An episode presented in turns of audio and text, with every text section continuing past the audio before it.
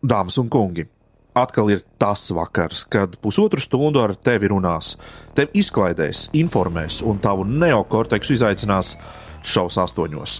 Šoreiz mūsu vakara viesis ir neviens cits kā mūziķis, producents, grāmatu autors, politiķis, reliģiskās kustības vadītājs, futurologs, tiesība aizstāvs un mediju personība no Zviedrijas Aleksandrs Bārts. Atskats uz nedēļas notikumiem, Twitter sarunām, grāmatu, filmu un mūzikas ieteikumi. Tas viss jau tūlīt un tagad ar Eglīti, Petersonu un Lauru Grēviņu.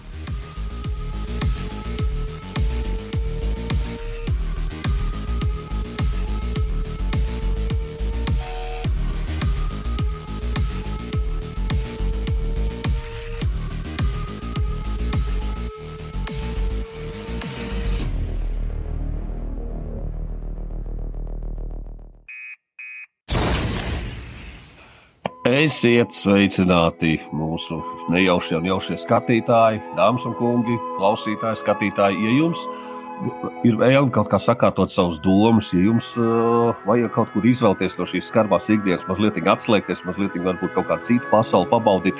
Es gribētu atgādināt, ka ir tāda skaista mazpilsēta, kuldīga. Šeit ir rumba, šeit ir dakstīgi, skaisti jumti, šeit durvis, ak, šīs durvis, uz kurām stundā var skatīties. No rītiem tur vismiglainās rumbas, skan klasiskā skaistā mūzika.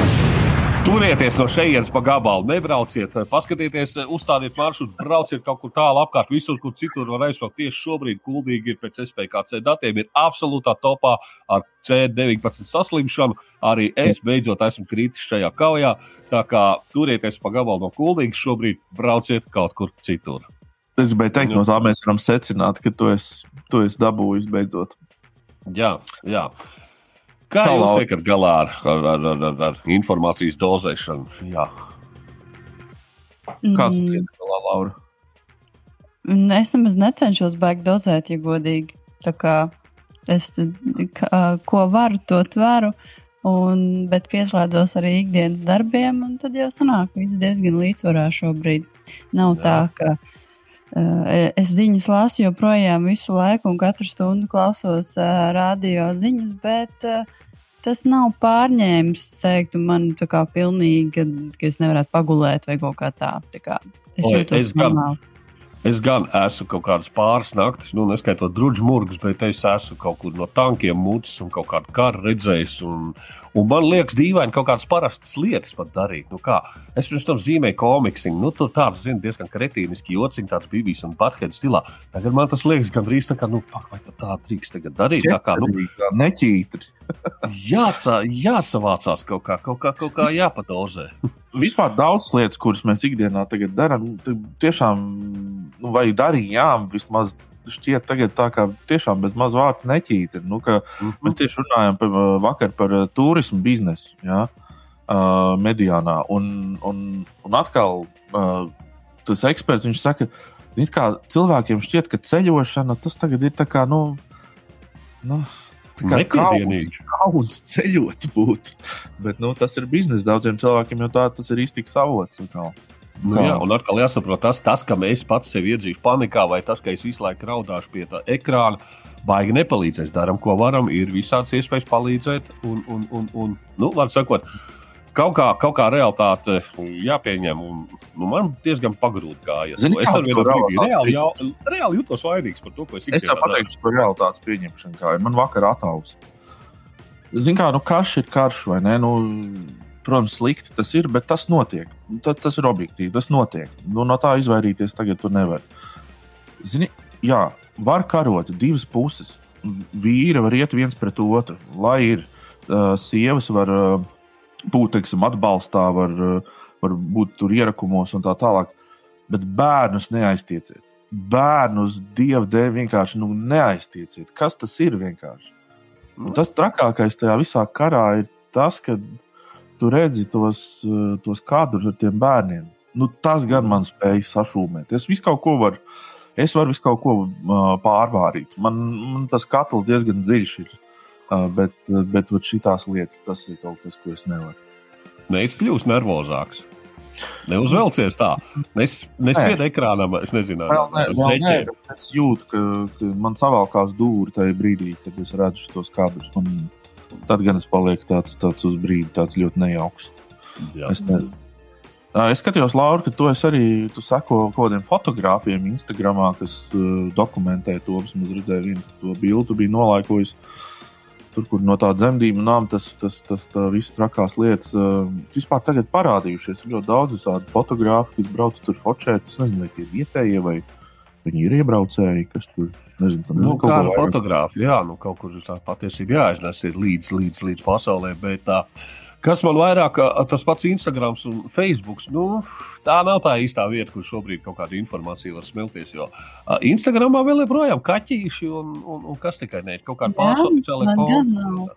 Tev ir, jā, es nezinu, Man man tikai varbūt algoritmi man saudzē kaut kā. Mm.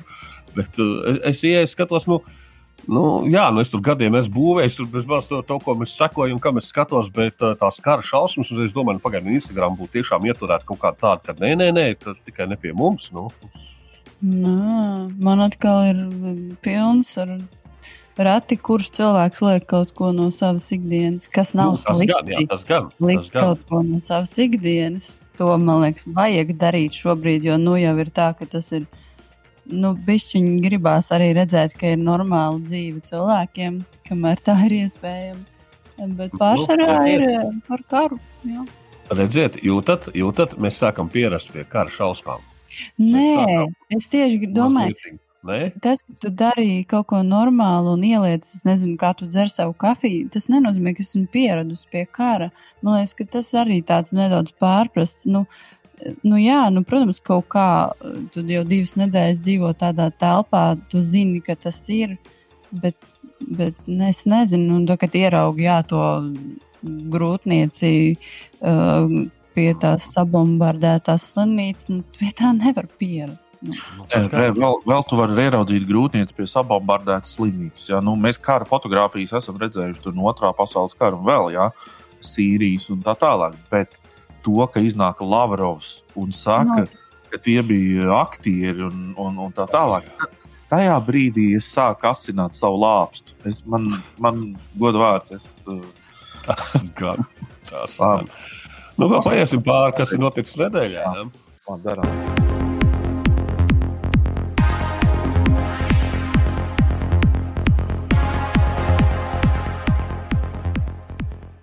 Ziniet, kā pirms mēs ķeramies klāt varbūt tiem notikumiem, es zinu, ka ir bērnu mentālās veselības nedēļa notikusi. Laura, varbūt var dažos vārdos ieskicēt, jo es redzēju, ka tev visu nedēļu bija tas events klāt pie Facebook.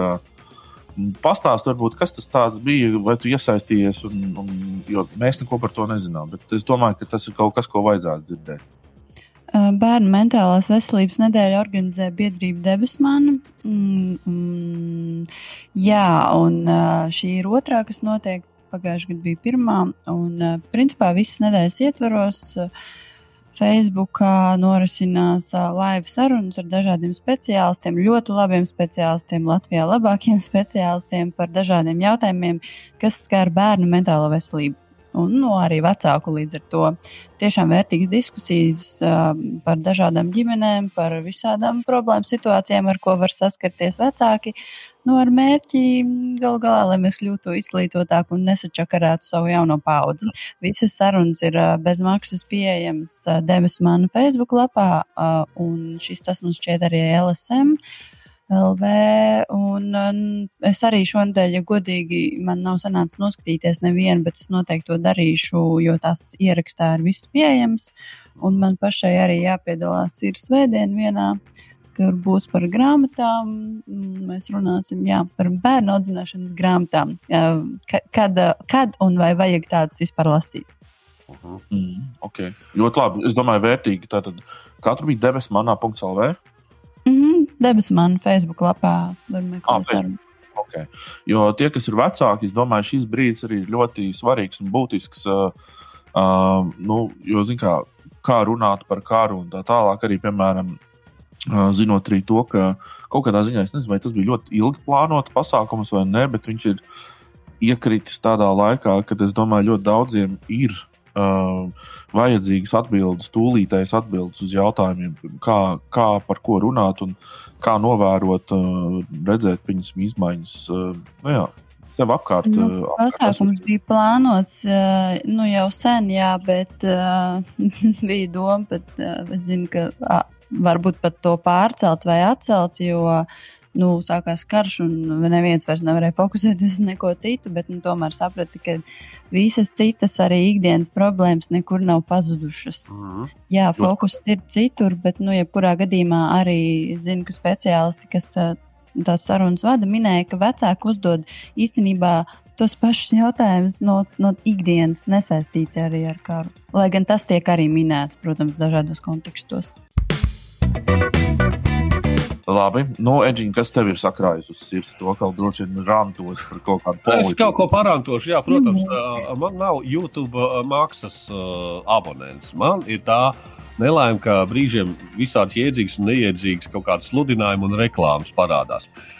Sakarā ar visu to informācijas plūsmu, kas tagad notiek un ko es patērēju, ik pa brīdim manā YouTube ekrānā parādās tāds diezgan slidens kundziņš, bijušais Rīgas mērs, Eiroparlamentārietis Nils Ušakovs.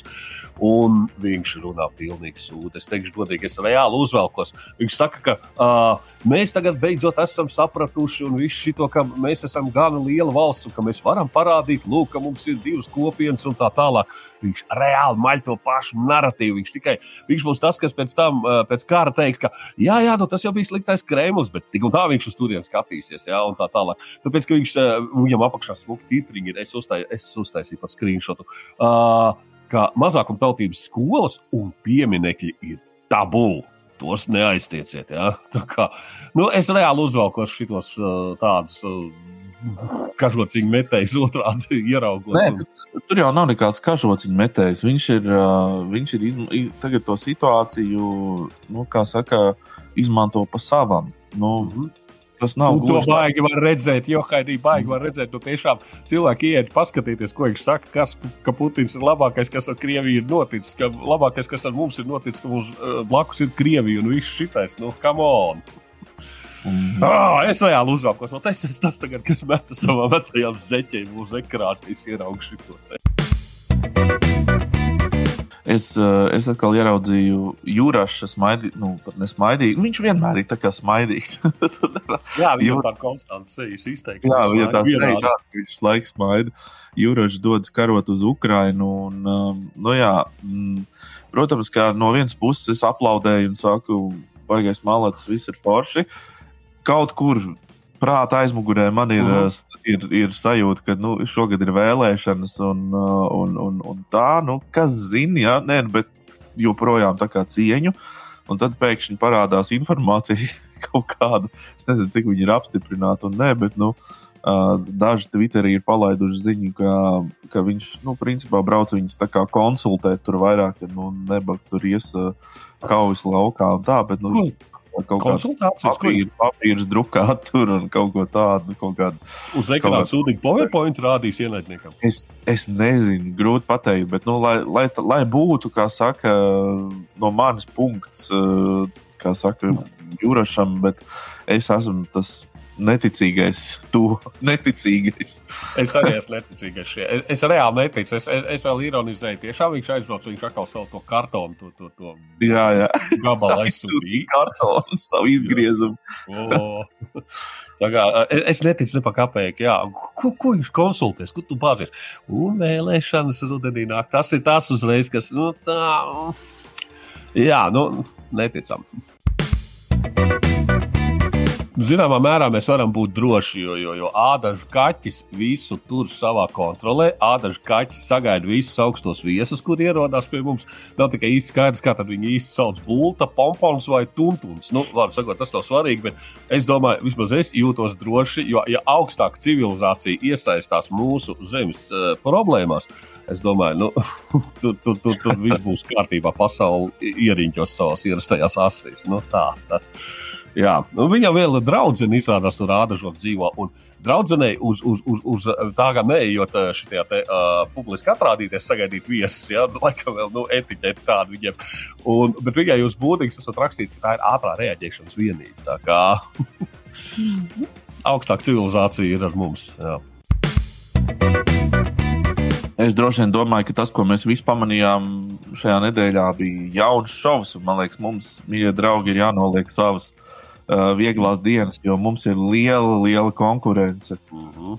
uh, Elita Veidemane ir uztaisījusi savu talk show. Uh, un uh, pirmais viesis, protams, ir neviens cits kā pats saimnieks, uh, Vēnspils uh, domas deputāts. Uh, uh, nu, Vecs no. vīrs, kā mēs redzējām, Jā, no cietuma ārā tā medījos iekšā. Nu, Lembergs, pirmais viesis, saka, kungs, kāds pārsteigums vai ne? Tu kā... skatījies? Es noskatījos, es rakstīju jau arī tev ziņu, ka es esmu pusē, man tas prasīja baigi daudz. Es tur atkal zeķis metu pa ekrānu, teikšu godīgi.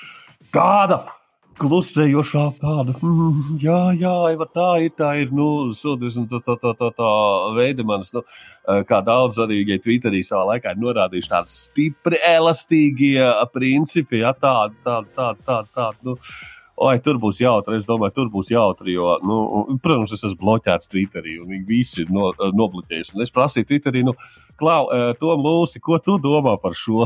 es saprotu, ka nav labi izplatīt šī tāda veca ļaužu porno Twitterī, bet ko tu domā?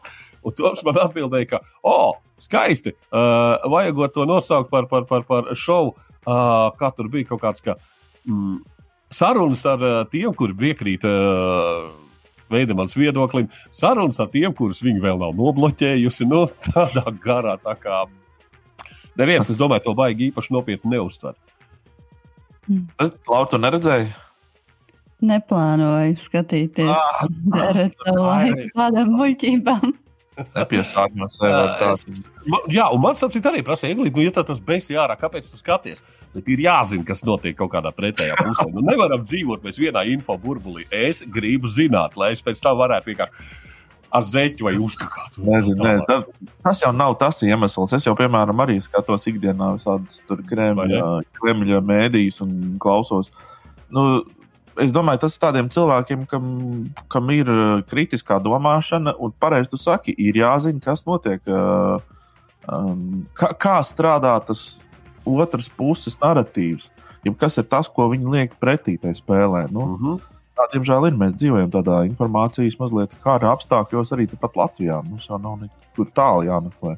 Un es gaidu, kad viņai nākamais viesis noteikti būs Latvijas lāpsa kaut kad. Un, un, un, un Nē, būs, būs nākamais. Es, es lieku, lieku, lieku derības, ka Šlesers būs nākamais.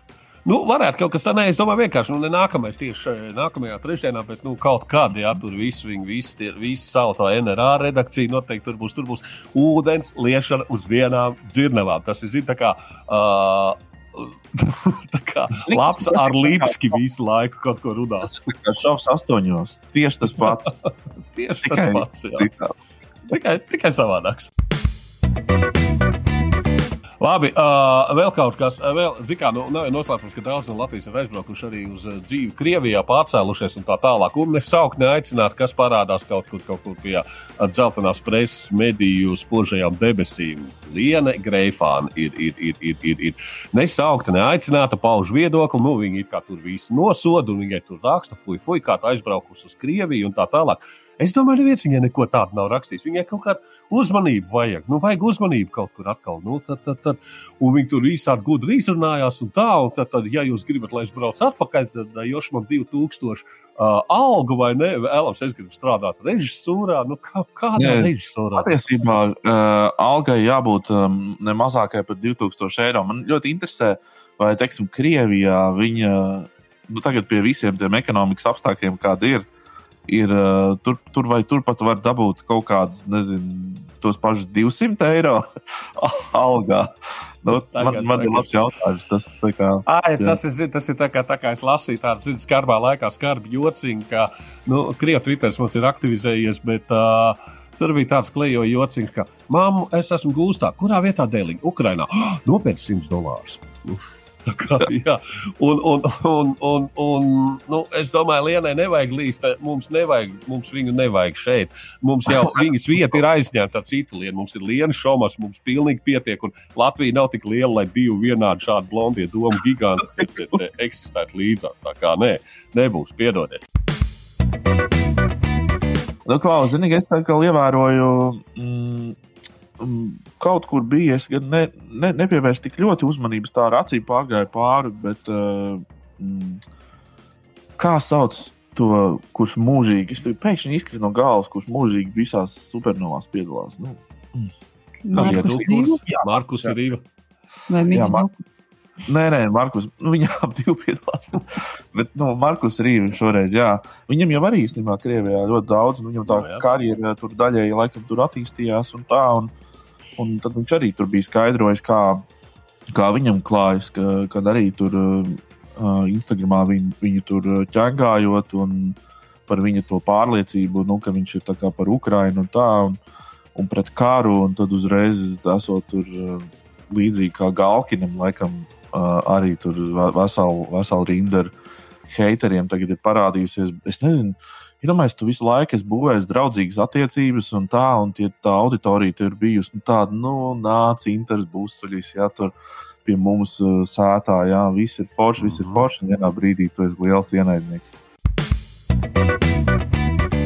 Jā, kā jūs, kā jūs, kā jūs domājat, uh, finanšu ministram, kāds, kurš mēs visi varētu kļūt par padomniekiem, bet es skatos, kāpēc? Tāpēc, ka Gunārs Rāčs arī ir kļuvis par finanšu ministru padomnieku. Tu, es nezinu, Laura, tu neesi kādam ministram padomniece, ne? Es varbūt tagad runāju, es aizvainoju kādu. tu neesi? Nē, Nē, es, jā. Nu, jā, es arī neesmu. Bet vajadzētu, man liekas. Jo uh, daudz, daudziem ir iespēja, kā saka, iet un kaut ko mazliet uh, čukstēt ausē ministriem, un par to iespējams saņemt pat algu. Es, es, es, es, es godīgi sakot, es domāju, tas atkal ir kaut kāds stulbs joks. Nu, līdz 1. aprīlim vēl tā kā laiks ir. Nu, kam on, gūtās račs, kur, kur, bet finanšu jautājumos. Jā. Nu, labi, viņš tas grib kaut kā dabūt caur to, par kuru gadiem jau runā. Tā ir Latvijas sabiedrība, freelancer. Es arī citu būtu priecīgs par to, eh, ko, par ko viņš tur iestājās. Zinu, to kontu, ka tev nav problēmas, tu tur ieskaiti un tālāk jau tev automātiski viss sadalās un tā tālāk. Jā. Bet uh, jau Gunārs Račs, viņš par ekonomiku, ko viņš zina, ka cāļus skaita rudenī. Zīves Jā. dzīvo ūdenī, 1, 2, 3. Nu, es nezinu, nu, tu jau arī nezini, ko viņš zina, ko nezinu. Varbūt viņš ir lasījis grāmatas par finansēm. nu, Nē, uzaiciniet nu, o, uz interviju, pajautājiet. Tieši tā, tieši tā aicinām.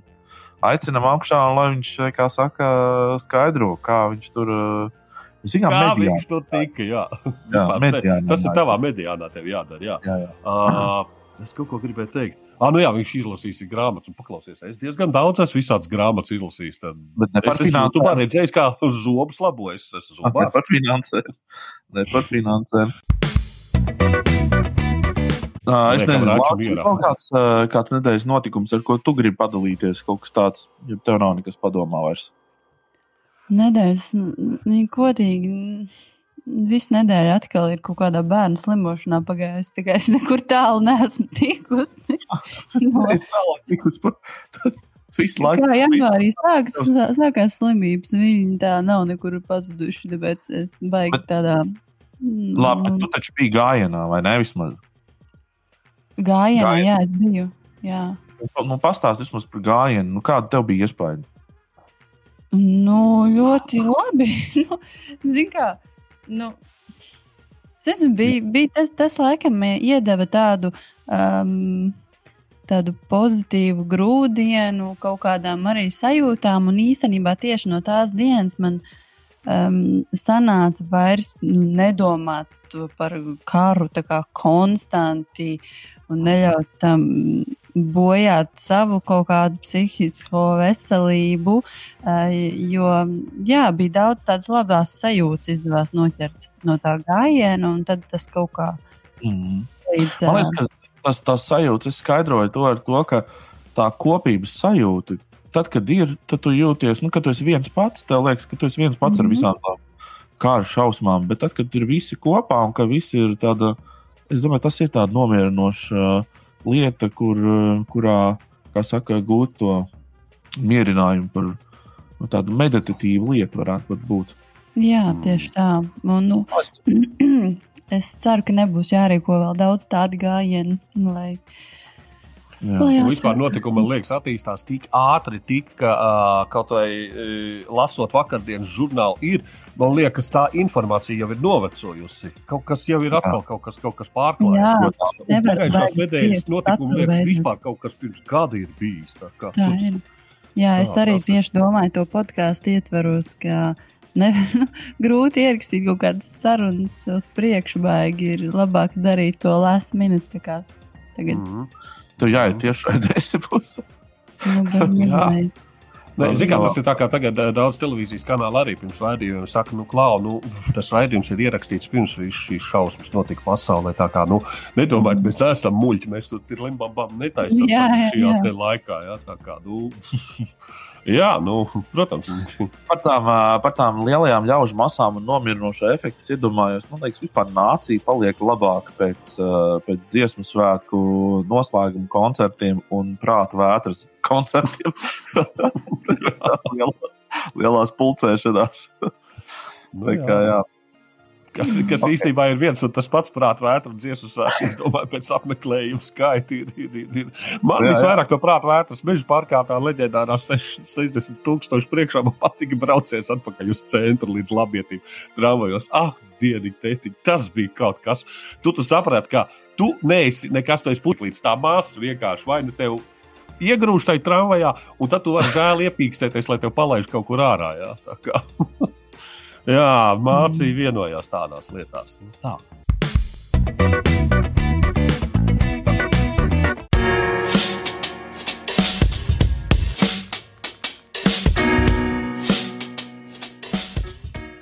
Nu, es skatos, šeit uzvarētājs šajā nedēļā ir ā, ļoti skaidri redzams. Jā, tās esmu es, protams. Oi, oi, oi, nu, protams, protams, tā kā es esmu C19 pozitīvs, tu automātiski jau sev vari vēl divas nedēļas uz priekšu ieskaitīt tā uzvaru, jo tālāk es, es esmu, mums vakar uh, cilvēki izlīdzēja savērt visu, kas ir nepieciešams, es esmu iebarikādējies, viss es ārā, nu vienkārši nedrīkst iet vairāk. Jāstaigā pa dzīvokli visu laiku. Sveiki! Jā, kaķim visu laiku jāstaigā pakaļ. Tā kā, nu, tas ir vienīgais. Tā kā tu automātiski esi uzvarējis jau vēl vismaz divas nedēļas, ar ko arī, nu, ko es varu teikt, Mm. apsveicu. Mm. Man savukārt tagad kļūst uh, pamainīsies statistika, jo es sāku atsāku velo sezonu. Un tad, tad būs jāskaita ar velo nobrauktie kilometri. O, jā, tas ir O, ļoti jā, labi. Petersson, benzīna cenas ceļās. Tā kā Labi, pēc tas velosipēdiem. Jā, un klaut, bet vai tu nav augsts vēl velosipēdi? N- Atrunas, tās ir atrunas. Mm, Nē, pāris dienas bija ok. Un uh, brīvdienās arī būs jau plus desmit. Tā sola. Oh. Hmm, tad jau varbūt jāsāk velo sezona īstenībā. Bet uh, ne, man vēl, varēs, ja vēl nesāki. Man vēl velo, man īstenībā patīk labāk nekā, protams, staigāt, jo ļoti labi uh, atsūtīja fo- fotografiju. Mēs varēsim arī parādīt droši vien šeit, uh, kur, kur uh, ērglis iet ļoti piktā sejā par, par, uh, par to, ka viņam ir jāstaigā ikdienas Ah. šie kilometri. un Jā. saroļi. Mieru laiku mēmē, jā. Jā, jā. Tas ļoti labi. Nē. Ko Tulbijai, es- savai tulbijai mentālajai veselībai stulbīgi soli. Kaut kā tā tur bija. jā, jā. Jā, pareizi. Uh, un, uh, nu, ko es varu teikt? Uh, es nav tā, ka es ļoti lepojos. Nu, te ar vienu dienu, svētdienu es ļoti lepojos. Bet es plānoju tieši šodien īstenībā savākt ļoti daudz uh, Mm. soļu, jo, jo, jo tagad ir skaists laiks, ar logu, un es domāju, es iešu un to, kā saka, izmantošu. Mhm. Tā kā, nu, jā. Kā saka, neatmetam mūsu ambīcijas, tomēr tos desmit tūkstošus uh, Mm. vidēji dienā savākt.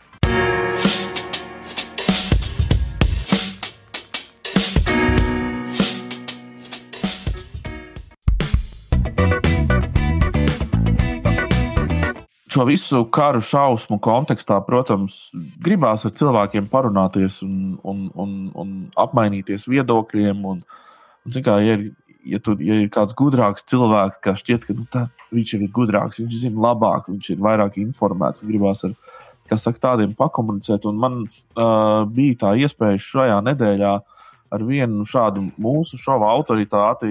Uh, Ivar parunāt- Lipski. Jā. Ja mūsu vakar viesis ir Ieroslīvskis.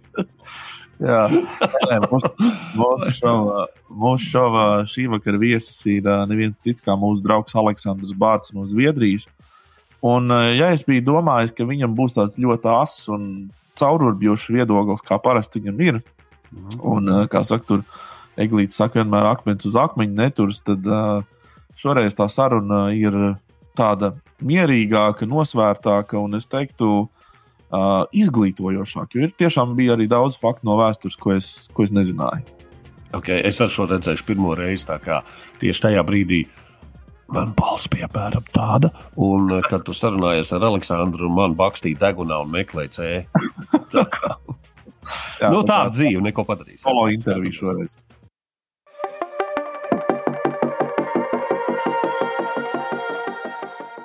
Hi, Alexander. Hi. Hi, Christoph. How are you doing? It is. It is. I'm very happy to see you. I'm very happy these days, actually, to talk with real people and and and and um, yes. But the thing is that uh, we are thinking and talking only about the war uh, these days. Uh, this is what is happening in Baltics. Um, and uh, yesterday, I had my meeting with my presentation guild colleagues in United States, and was so interesting to hear something other other than than than uh, uh, talks about uh, about war. Uh, how is in Sweden? How how do you see this from from from uh, that side of the Baltic uh, Sea? Oh, there's so many different things going on. we're not actually discussing the war that much. Obviously, the war is taking place on the ground in Ukraine as we speak. But there are so many other aspects to this. for example, can can the East Slavic world be democratic or not? I mean, the Ukraine has not only become a democracy, but it's actually been a very successful democracy. If you look at the, for example, the economics over the last year since 2015, Ukraine has had strong economic growth. And, and I think Putin was realizing this is probably his last opportunity to, to reintroduce this idea of an autocratic East Slavic world, which is something that he believes. Um, whereas Ukraine has proven that's not the case. I think I think this is all started in Minsk two years ago. I think it started with the Russians being shocked at how many urban middle class people in Minsk and Belarus were willing to walk out into the streets and demonstrate against Lukashenko, who they wanted to get rid of. And then Putin decided to roll in the tanks in Belarus uh, to defend Lukashenko.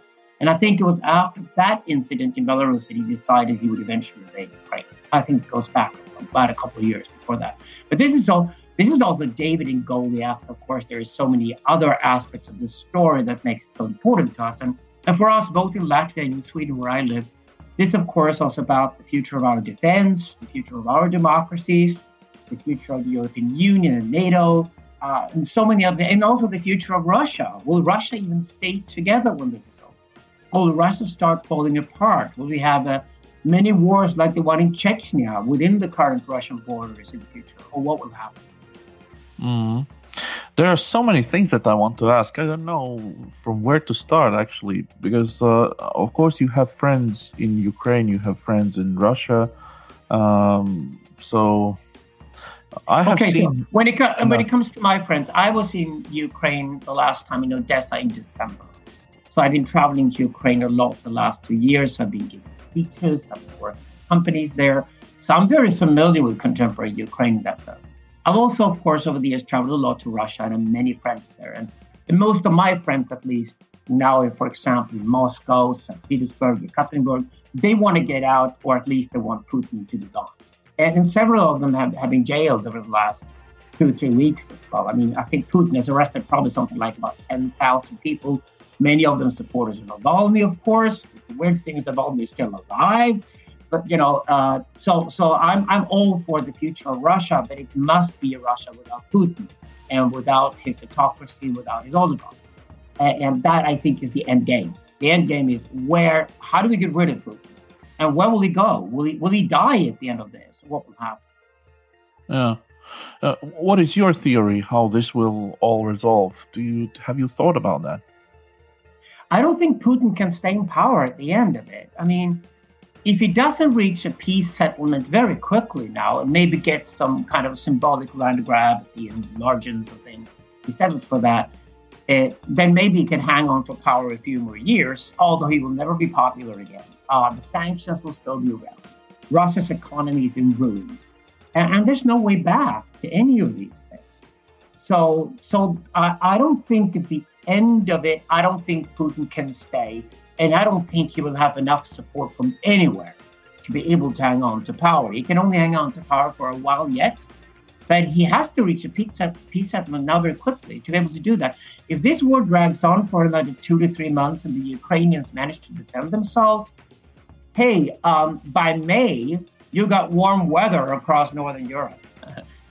you got people out in the streets across Russia demonstrating. And, and if nothing else, even if they did believe in Putin originally, they want to get rid of it anyway, only to save Russia.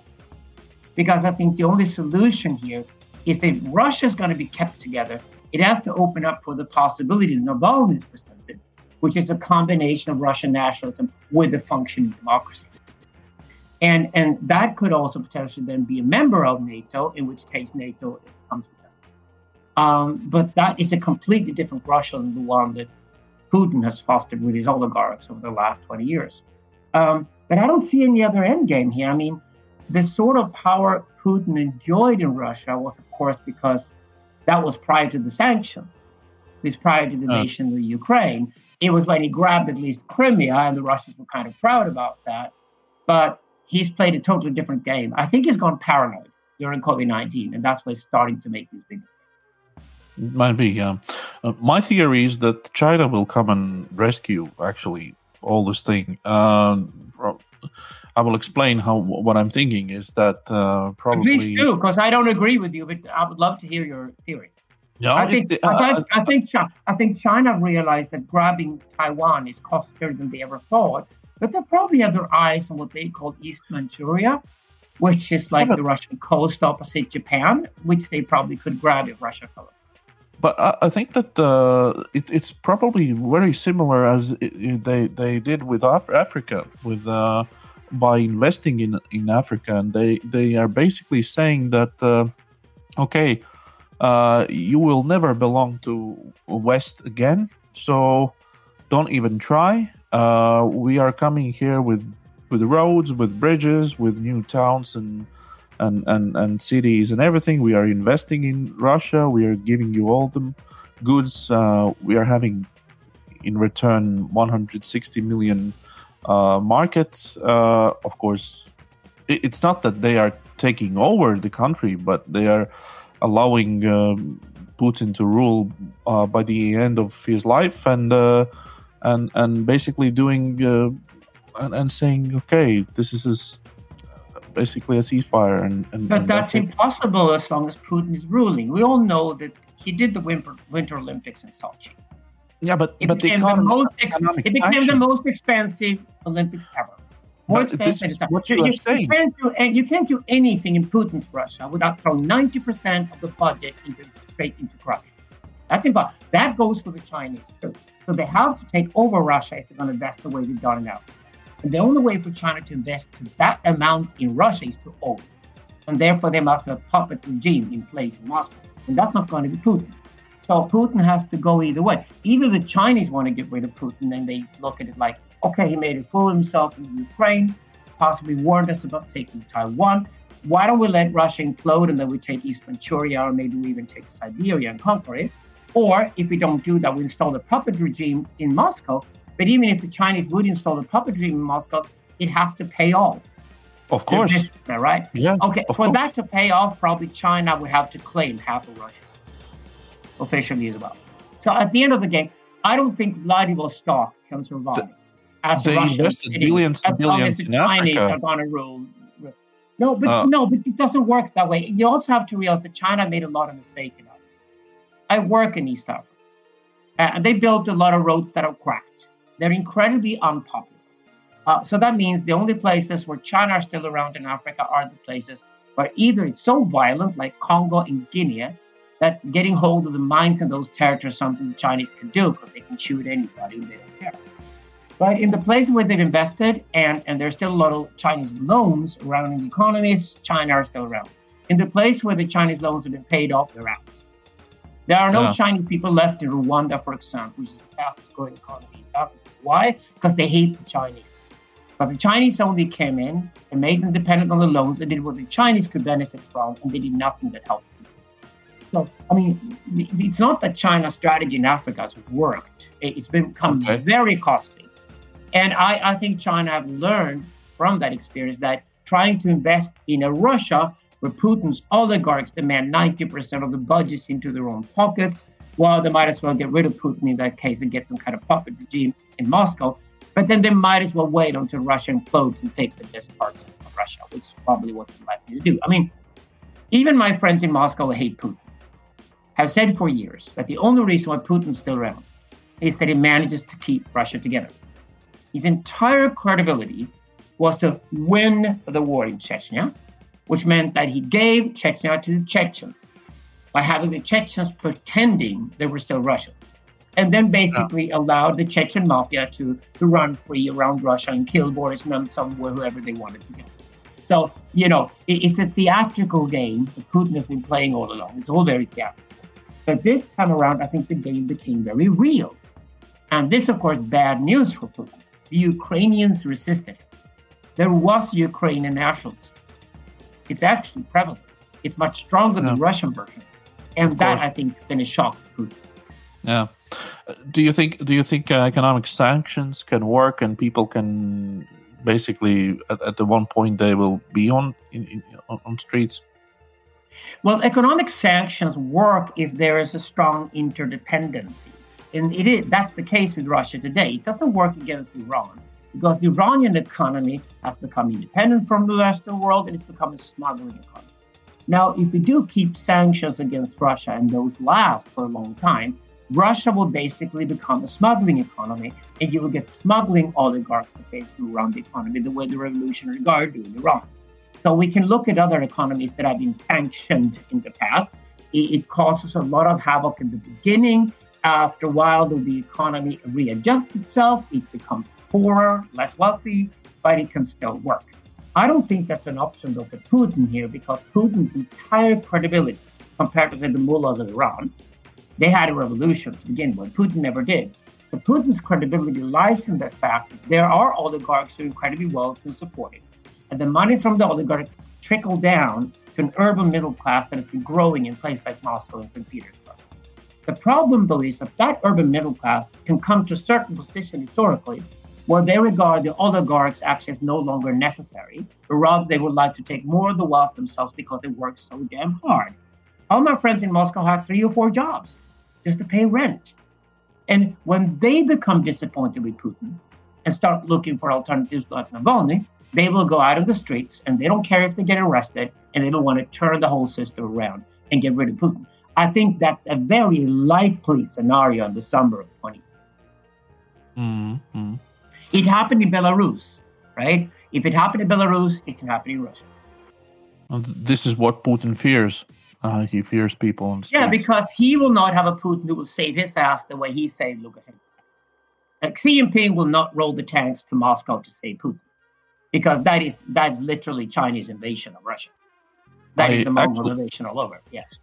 I actually I listened yesterday to some prop the, this propaganda from Russia. What what they the channel uh, so um, and and what what they are talking about right now is that one military analyst uh, actually admitted several of mistakes that Russia did and uh, and actually asked the question why we are there. And so so it some it it it it, it kind of like uh, it it starts to I don't know. Uh, they start to. It, there, to there wasn't. There wasn't. There wasn't. A, Putin has just been pissed off, and his oligarch friends hate the oligarchs of Ukraine. Mm, So on, on the sort of the nasty lower level, this is a war between two oligarch mafias. of course. There's the Ukrainian mafia and there's the Russian mafia. That's the lower level. The more noble level of this, which is also true, is that Ukraine is actually more or less a functioning democracy today. And Russia is not. Russia is a dictatorship under Putin. That means rule of law can be implemented in Ukraine and gradually Ukraine is reforming. Whilst nothing is happening in Russia at all. It's all going downwards. So Russia is becoming more feudal And, you know, literally, Ukraine is becoming more modern, open, free, democratic. And, and this, of course, rhymes historically with the fact Ukrainians were Cossacks, there were the Ruthenians, there were Russians, you know, they have a different history, and they've been fighting for independence in the past, and finally they got their chance in the 1990s to become an independent country. Um, when Putin then attacks Ukraine, he's basically like a bully who's like, he hits you, like, I'm gonna hit you because I'm so pissed off and drunk, and I'm gonna hit you. Um, and, and then the consequences, what are the consequences supposed to be? So either Putin was going for a peace settlement or he was taking some kind of land grab down towards Crimea and probably Ukraine and thought that would be respected and popular even with Ukrainians. Uh, probably that's not the case. Even the majority of people in Donetsk and Luhansk are Ukrainians and not Russians. And the vast majority of people in Kharkiv no longer want to be Russians to begin with because Putin's bombed the city so heavily that the number of Ukrainians per day are going up, the number of Russians are going down because a lot of former Russians who spoke the Russian language are now speaking the Ukrainian language because they don't want to be Russians any longer. I mean, of course. If you want, if you're a Ukrainian nationalist, you want more Ukrainian nationalists in the world, right? But the problem was, the western half of Ukraine was never really Russian. It is Ruthenian. It is somewhere between Belarusian, Polish, and Russian. It has its own language, which we now call the Ukrainian language. It's called the Ruthenian language in the past. Cities like Lviv and you know Ivano-Frankivsk and all of these cities are there. There are also many of these cities that used to be Jewish. Most of the larger Jewish cities, up until 1939 at least, were in what is now contemporary Western Ukraine. So Ruthenia was never historically really a part of Russia, not the Russian Empire. Part of it was conquered by Stalin, who stole it from Slovakia, Hungary, and Poland, respectively, at the end of World War II. So none of these parts are Russian. I mean, if you go to Lviv, less than 1%, less than 1 in a 100 of the entire population identifies Russian or speaks the Russian language. They rather speak Polish than Russian if they speak a Of course, yeah. Ukraine. So there was never a plan. So I don't know what did Putin plan to give this to Lukashenko? Like he wanted to get rid of Ukraine and then give the western half to Lukashenko and then keep the eastern half east never. Uh, it looks like he's been sitting Does- in a cell, make isolated Doesn't with a few friends and naysayers, and has been paranoid about COVID 19 things. And he's come up with this kind of boyish 11 year old fantasy plan for the future of Ukraine. And I think Ukrainians are now discovering that the dictator of Russia, who just invaded them and, and has nuclear weapons and everything, has no plan at all because an 11 year old's fantasy never works in the real world.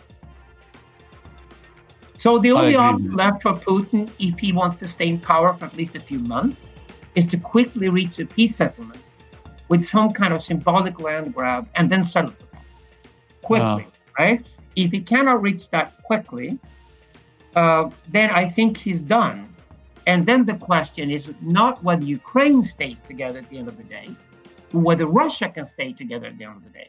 If I were, were be Russian today, I'd be terrified of only Putin and what he's just done, but I'd be terrified of Russia falling apart. What happens if the Tatars in Kazan, you know, that's Volga. Volga is supposed to be the heart of Russia. What happens if, if the Tatars, who have their own republic called Tatarstan, centered on Kazan, and they're wealthy, they got oil. What happens if they decide to go independent? Then Russia falls apart. Definitely. So Russia is then nothing but Austria-Hungary after the First World War. That means that Russia should literally fall apart. But the only problem if Russia falls apart the way Austria-Hungary did is that it would pl- probably be bloody and messy. Before the different nationalities of, of contemporary Russia, the contemporary Russian Federation, would sort of find their own voice and have their own soul and have their own flag to wave with and whatever, and do so peacefully regarding one another. Well, I don't know how that uh, that's going to happen. We were lucky that the Soviet Union fell apart as peaceful as it did. We were incredibly lucky. Uh, But the uh, fact that the Russian Federation would fall apart in a similar, similar peaceful way, I don't, I doubt that's it. But then this war is no longer about Ukraine staying together. This war is really now about if Russia can stay together. At the end. Uh, I heard that uh, actually there are only two ways how how you can rule Russia. One is the power vertical, so it, which is right now, and and Moscow rules everything. and the second option is like the United States or United uh, States of Russian. How you call it? You basically. Oh, that's that's supposed to be now because it's called the Russian Federation. Okay. Yeah. Uh, it would yeah. it didn't work. So so Zbigniew Brzezinski, who was the foreign minister of, of, of the United States in the early 1980s, Brzezinski said that Russia is either an empire or a democracy. Yes. right? That sort of stuck. There's only one guy who gambled against that. That's Navalny. I think Navalny is a genius. At least there's a freedom here at the moment. But Navalny's game is that his Russian nationalism could convince Russia to stay together. They might have eventually to, you know, allow some Chechens and other people to go and declare their own independent republics or whatever. But you know, the main of Russia with the Tatars and the Volga could be kept with Russian Russian nationalism. But that would have to be Russian nationalism that takes pride in its own democracy. Definitely.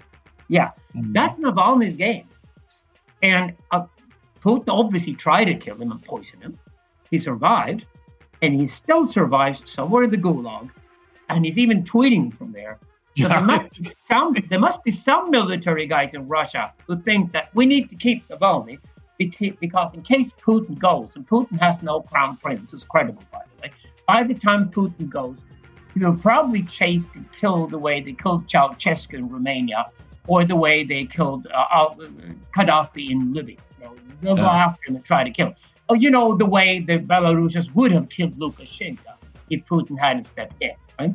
So the way to go for a lonely dictator who's mad like Putin is that he gets shot in the head by a mob. That is now a very likely end scenario for Putin in Russia. So the Mhm. question is: Is there any way for him to get out of this? Uh, uh, I don't think so, because if he gets out of it through peace settlement, he would have to resign sooner or later anyway, because he did lose the war. He claimed that he would invade Ukraine. He claimed that people in Kiev and Kharkiv would celebrate him and his troops. They've done the exact opposite of that. So he is apparently he has apparently a distorted worldview. Yeah, It doesn't make any sense, right? Uh, a Russian nationalist who's a Democrat could even see Russia as a future member of NATO. That would be Navalny. To me, that's the dream scenario. That's the dream scenario. Mhm. If we could end there, and and uh, we Yeah. need Navalny for that. We need Navalny to stay alive. He's the only credible person to get on. But watch out also what's going to happen in Belarus this summer. You know, if the Russians are busy fighting a war in the Ukraine that hasn't been settled, then where from where are they going to take the troops that killed the demonstrators in Minsk this summer? Because Lukashenko can't keep power without the Russians. He's so damn unpopular now that he's basically the next Gaddafi waiting to be killed Yes. by He's next in the Oh. line, so. Belarus is the underrated aspect of this war that people tend to forget about. I mean, Latvia, you know about it because you're neighbors with the Belarusians. But you know, the heroic people who were out on the streets two years ago in Minsk and who thought they would overthrow Lukashenko and get their white, red, white flag back again, waving over Belarus and become independent from Russia and democratic and have a Belarusian nationalism that they could thrive with uh, they they they were completely betrayed by Putin. And I think it's after that, after Putin was shocked by that reaction, because Belarus is so close to Moscow. Minsk is so close to Moscow. Minsk, Minsk was central to the Soviet Union identity. It was the military capital of the Soviet Union, right? And and if Belarus is not within the Russian realm, then then they'd be done. So Putin basically thought, what I did in Minsk, I could probably do in Kiev. Sure, sure you thought about that. Mm. Well, um, at the end of our uh, conversation, I want to ask uh, a, a few things about uh, about the mood in Sweden and Finland uh, regarding NATO. Uh, we hear some some some things and and uh, surveys that the popularity of this thought about being members of NATO is growing, going up. What, what- yeah, what I think your I think definitely in Finland. I think Sweden are running a bit of a chicken race on that one. The Social Democrats, who currently rule Sweden, are against NATO membership. The the sort of liberal conservative opposition, the center right, are for NATO membership and they've been for NATO membership for a long time. I think it's an indecent question to ask. I think Sweden must become a member of NATO because otherwise Sweden would be using you and Latvia, would be using Estonia and Lithuania as a buffer against an increasingly violent Russia. And here's the major argument for Sweden and Finland joining NATO. The major argument is that we don't know what comes after Putin in Russia. It could get even worse. And if Russia goes towards civil war and falls apart like Austria Hungary did, it will be bloody and messy.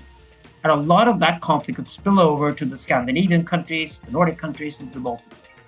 And I think it's a matter of decency that Sweden must join NATO, pay our fair share of the defense budget, and be supportive in, in defending Latvia, Estonia, and Lithuania against the Russian threat.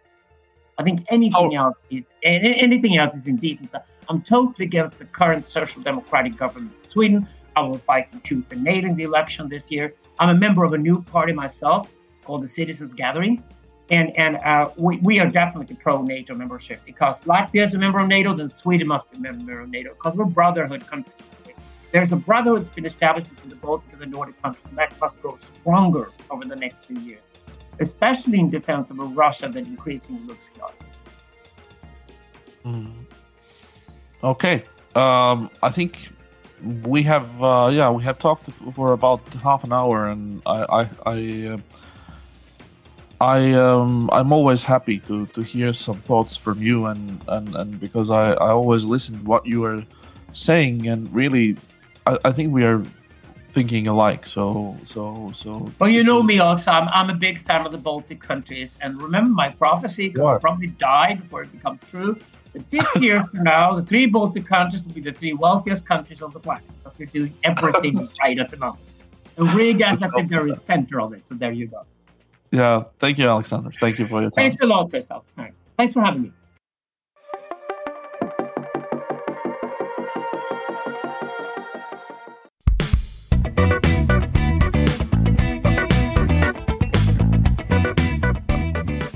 Kā, kā jau mēs eh, pirmie pieminējām, mm, liekas dīvaini kaut ko normālu iepostot sociālajos tīklos. Nezinu, tur kaķi vai, vai, vai, vai pavasara puķis vai kaut ko tādu. Twitters ir raibais un, un, un, un nu, šis tas kaut kur ir aizķēries. Jā. Uh, Lūk, Rāza saka, ka divus gadus atpakaļ šī nedēļa bija mūsu pēdējā normālās dzīves nedēļa. Mm. Kas bija pirms diviem gadiem? Sāk ārkārtējo situāciju izsludināja, ja nemaldos, 12. martā. Um, tā kā, jā, jā. ko jūs darījāt pirms tam? oh, jā, pareizi. Atcerieties vēl. Es, es atceros, jā. es ļoti agri no Rīgas braucu mājās, es klausījos rāģiņu, un tieši stāstīja, ka Amerikā tur, tur, tur kaut kur taisa ciet kaut ko. Es domāju, kā ārprāts, kas notiek. Un pēc dažām stundām pie mums arī viss bija jau, jau, jau, jau, jau sākās šī realitāte, kurā mēs jau divus gadus dzīvojam. Man bija arī tā interesanti, jo es um, no, nojaušot, ka tuvojās kaut kas, bet neapzinoties īsti, kas, ka tas būs uz tik ilgu. Un gan Latvijā tiešām arī būs kaut kas, bet eh, es pamanījos vēl no 10. martā aizlidot uz Prāgu un 12. martā atlidot atpakaļ. Tieši tā, uz tādu īsu laiku, jo baidījos arī ilgāk braukt. Un, eh, nu, iekāpu lidmašīnā, vēl nebija ārkārtējā situācija, izkāpu ārā, nolaidos un tieši, -hmm. tieši bija izziņot. Un tas bija ļoti dīvains sajūta. Un tas ēda taksi un domā, vai tas vispār ir legāli. Bet, protams, tajā laikā jau mēs eh, domājām, nu, kas tur divas nedēļas mājās pasēdēt, vai ne? Tad mēs divus gadus vēlāk beidzot esam it kā palaisti brīvībā beidzot. Man reāli šis atgādina, zinu, ka sākās viss tie pirms diviem gadiem, ka jau jociņi jau bija tur Ņujorkā, un kur tikai ne tās fantastiskās karikatūras, ka bija divi sēži pazemē, uh, kaut kādā alā, tādos milzīgos skafandros un saka, Atcerieties, toreiz vēl augšzemē mums tikai maskās bija jāstaigā.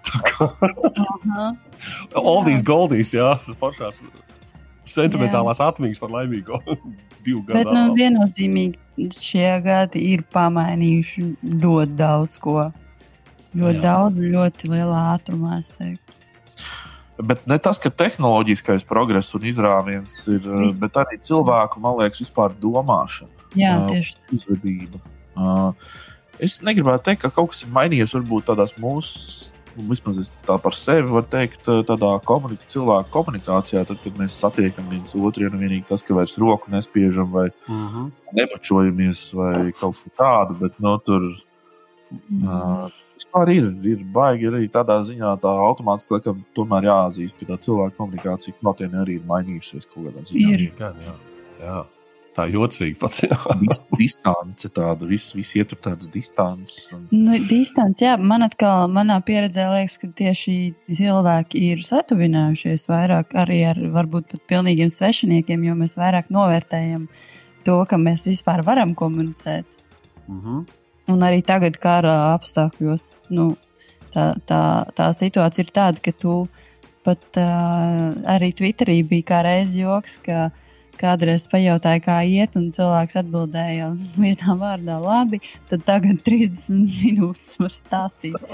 Jo, nu, Tagad tu vari uzrauties ar šo jautājumu ļoti. Jā. jā, O, jā. Ejam, ejam tālāk. Uh, Kaspars Zēlis saka, valsts, kuras ģērbonī ir vīsta, nekad neuzvarēs valsti, uz kuras ģērboņa ir dakšiņa. Nu, Kaspars Zēlis ir kaut kur lasīja. Es arī šo kaut kur lasīju, man arī ļoti patika. jā. Ļoti labi. Domāju, tas tāds pravietisks. eh, Sauksim to tādu par pravietisku tvītu. Cerēsim.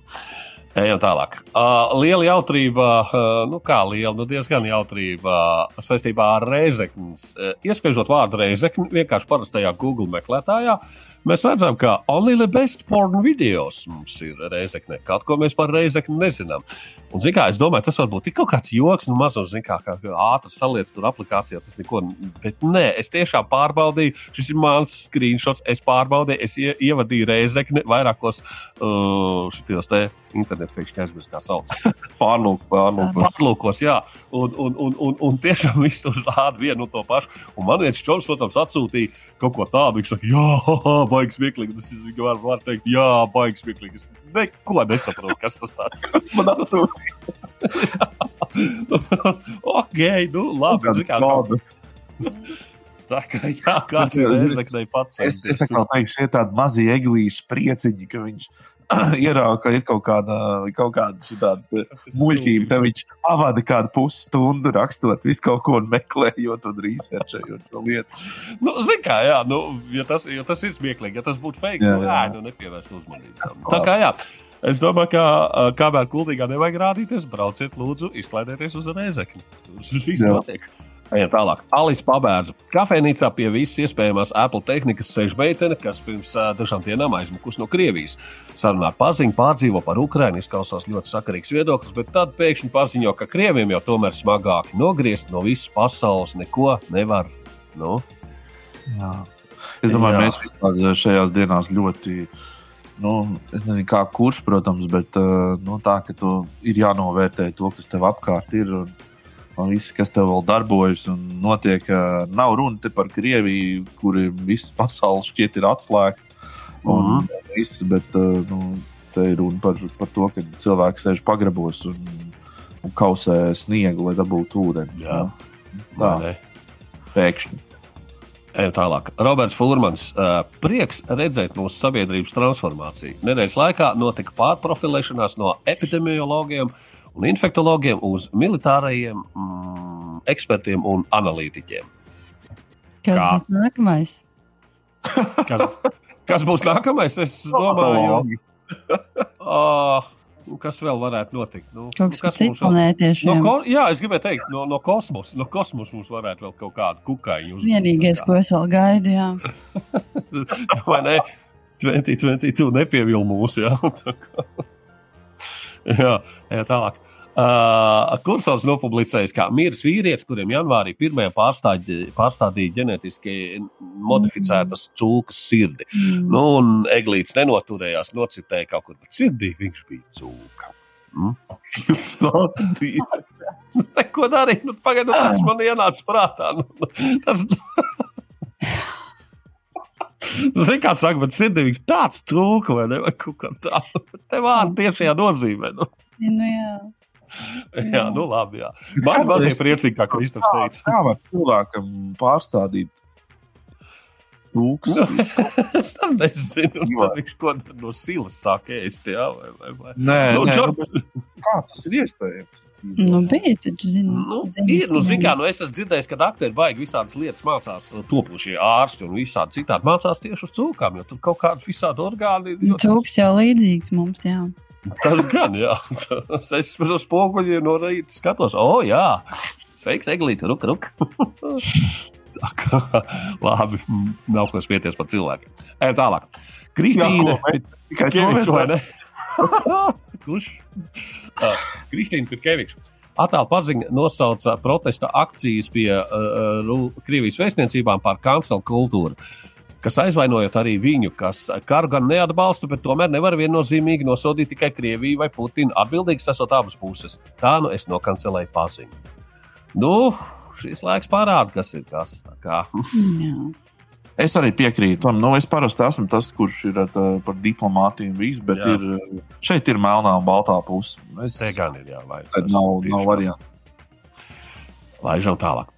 Jānis Baltiņš. Kādreiz noteikti uzrakstīšu tvītu par to, ka krievu valodas prasme šī brīža situācijā izrādās ļoti noderīga. Kaut gan mūsu vieta pasaules kartē to jau sen uh, uzrakstīja manā vietā. Un viņš iepriekš atvainojos Bokšai, kurai šajā sakarā vēlreiz nāksies izņemt smadzenes uz grīdas. Jā, uh, krievu valoda vēsturiski sanāca, ka es protu labāk par angļu valodu. Nu, Valoda jau tur tā kā saka, uz valodas zināšanas nekad nav pat daudz. tā Kā, Bet, kā paskaidrot to tvītu? Es kaut kā nenolasīju īsti.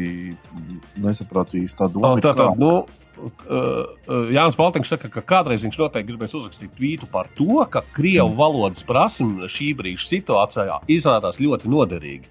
Nu, tas, ka tu saproti krievu valodu, jā. kaut gan mūsu vieta pasaules kartē, mēs esam starp Krieviju un starp Eiropu. Nu, Nu, jā. jau sen uzrakstīja manā vietā. Nu, kā nu, jā. Tie, kas mācīja abas valodas, nu, teiksim, tādi kā es, ja es būtu bijis, nezinu, 90. gados, nevis tur lemps kaut kāds pusaudzis vai ne, nu, daudzas lietas viņi ir izveidojuši tie cilvēki. Es varu teikt, tā, man ir ar krievu valodu tā, ka es visu saprotu, es varu klausīties un skatīties, es visu saprotu. Es pilnīgi es pašam ar to komunikāciju, man ir kā ir. Es droši vien. Nu, Prakses jautājums. Man ar angļu valodu tā iet, diemžēl, pēdējos gados. Kā Laura, tu saproti krieviski? Mm, maz, maz saprotu. Lai gan skolā septiņus gadus bija jāmācās, bet man bija tieši tik labi krievu valodas skolotāji. Lai es neko nesaprotu. Man liekas, ka mums, man, man te jaunatnē arī kaut kā diezgan līdzīga ir. Mācās, Varētu krievi- būt, protams. mācās ā, jau, jau, jau tādā pietiekami augstās klasēs, jau, bet, ā, bet ā, salikt vārdus kopā nevar vēl tā kā interesanti. Kaut izglītības sistēma. Kā tas vispār iet cauri? Baigi dīvaini. Vai ne? Labi, un tad noslēdzam. Ulrichs Ozenfelds. Pilns Twitteris ar panikas dīleriem. Baltija nākamā pērciet sāli. Latvija iekaros. Nu, bērniņi joziet, ko katrs māca, ka negatnieks jūs nepanāk. Vau, vau, vau, cibrīt, cibrīt, vau, cibrīt, spudūts. Lūdzu, aizverieties, eksperti. Nu, kā jā, te mums arī plūdots un zaķīši pirtiņi, un tiešām lūdzu, aizverieties, eksperti. Kolēģi, draugi, vai jūs sāli nopirkāt, vai jums ir sāls, vai jums pietiks? Kristap, tev ir mājās 36 kg sāla. Es noteikti tieši pie? Lauras aizņemties. Ja tev būs Laura, ko iedot. Nav man un baigi joda, šobrīd. joda tabletes ēdiet, vai ne? Tā kā. Nu, Nu, bija tāds, jā, tā. kāds, ā, kāda ziņa, ka savukārt Liena šomas ejot vannā ar cik tur kilogramiem sāls. Jā, pareizi bija. Nu, A, a, a, ko tas dod? Ko tas dod? Paskaidro man. Es nezinu. Es nezinu, ko, ko tas dod. Viņi grib būt, Es grib tādā vannā. sīļķi. Nu. Saļā vannā. Nu. Es ne, nu, Nē, es nu ir nu, vanna sāls, vai ne? Jā, Jā, jā. Ir tur tā kā. Trauka mašīnām arī ir sāls. Ah, va, tāda man ir mājās. Jā. Nu, Zini, ar? Lietu šomas, man liekas, ir, ir, ir nelaime notika tajā brīdī, kad man uh, paziņas kaķis viņai uz galvas uzkrita meža parka mājā. Tā kā tur kaut kas, kaut kas notika un saslēdzās. Okay. Un, jā, kā jā, mums ir liela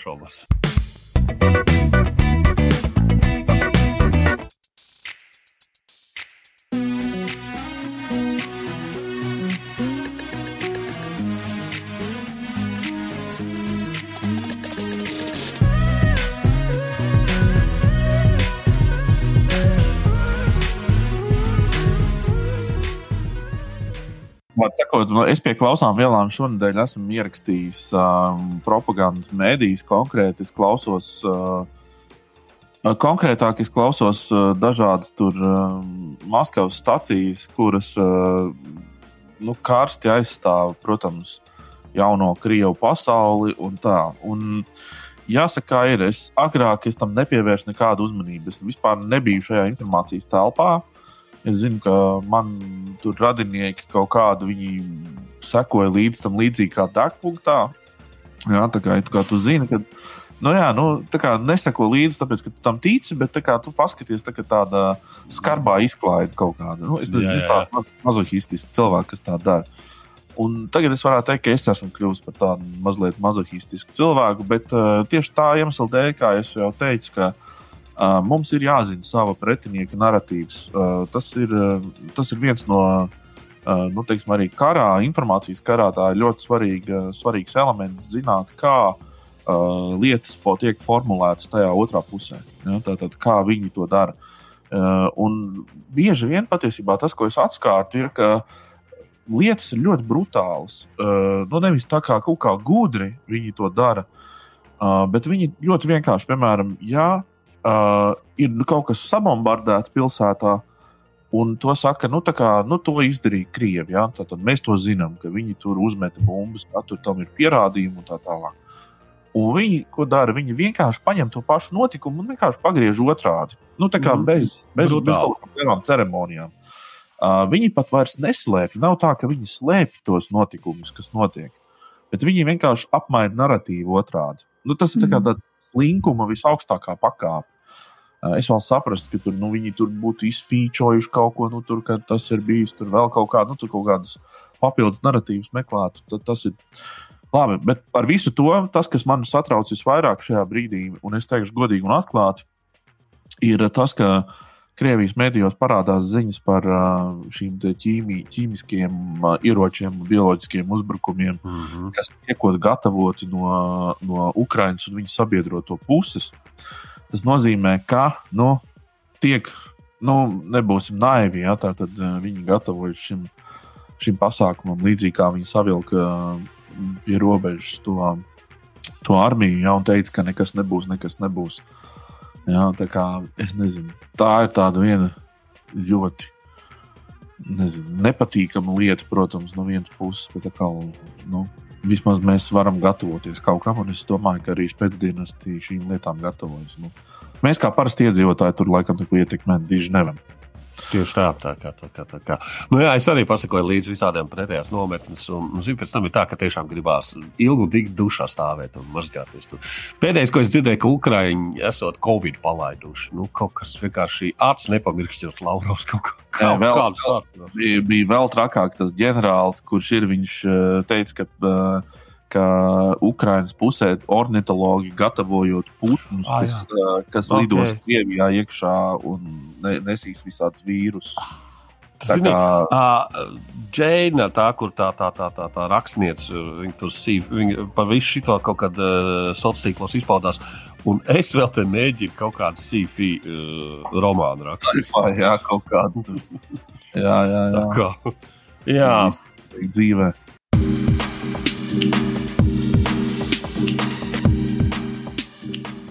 Jā, es šonadēļ atsāku klausīties mūziku. Beidzot, jo kaut kā nevarēja pieslēgties vispār nekam īsti tās divas nedēļas. Tad, nu, beidzot, atvēra savu Spotify, kurš bija nobrucis. Kurš bija nobrucis? Ak, Dievs, briesmīgākās desmit minūtes uz planētas. Ārprāt, kas notika? jā, jā. jā. līdzīgs sajūta. Jā, jā bet, bet jā, tad, protams, pirmā doma visiem bija hakeri uzbruk. Bet ātri viens potipēs ar to tika galā. Un tad nu, es pieslēdzos Florence and the Machine jaunajām trīs dziesmām. Kopš februāra beigām ir trīs jauni singli. Viņai izdoti no jaunā albuma Dance Fever, kas ir gaidāms uh, laikam 12. maijā. Uh, Un, uh, nu, brīnišķīgi. Es uh, on repeat, tagad man skan tās trīs dziesmas.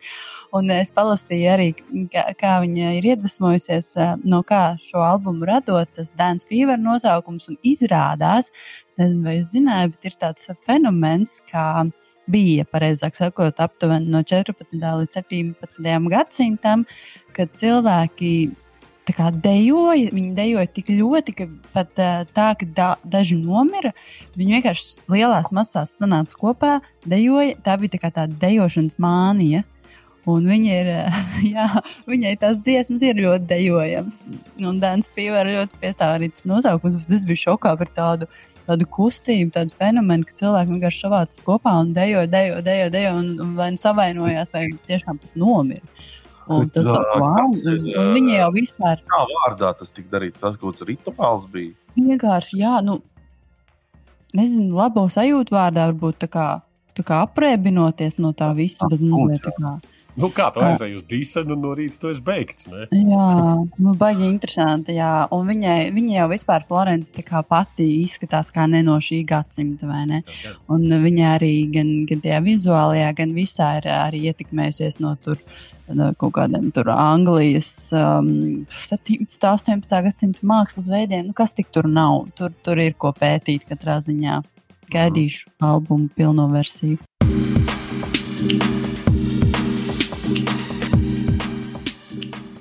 Uh, es mieru laikos jau esmu piesaucis šo, te, manuprāt, absolūti fantastisku apvienību, džēza apvienību no Latvijas Lupa. Uh, uh, kaut kā šajā laikā, šajās nedēļās, ir tas albums, pilnais albums, beidzot ārā.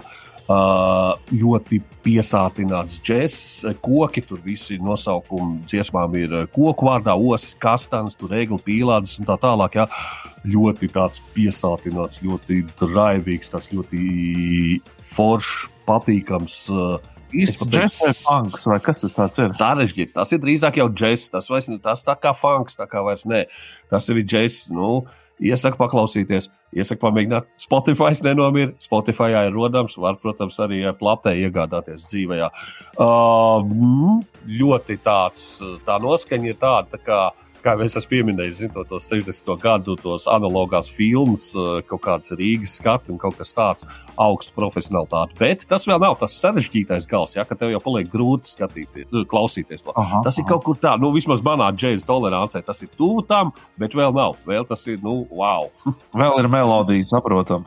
jā, jā, jā, bet tas vēl, jā, nu, es vēl saprotu, jā, tas viss, viss tur ir ļoti forši. Jā. Tā kā ļoti iesaku lupa un koki.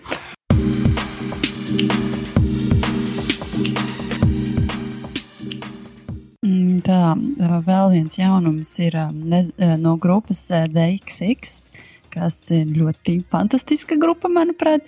Ir, bet nu, pēdējā laikā nav kopā radījuši neko jaunu, bet katrs pa savam. Viņi tur ir trīs - Jamie XX, Romija XX un Olivers Sims. Manuprāt, viņa balss ir viena no seksīgākajām balsīm visā, visā pasaulē. Un uh, es ar lielu prieku klausījos šo singlu Romance with a Memory. Tā kā gaidīšu vēl kādu dziesmu. Man no. XX man liekas, ka visa pasaule zina to, to, to slaveno instrumentālo sākumu, Mm -hmm. kurai tur Mhm. dziesmai. To zina pilnīgi visi. es domāju, pat Jā. mana māma to ir dzirdējusi kaut kur. Uh,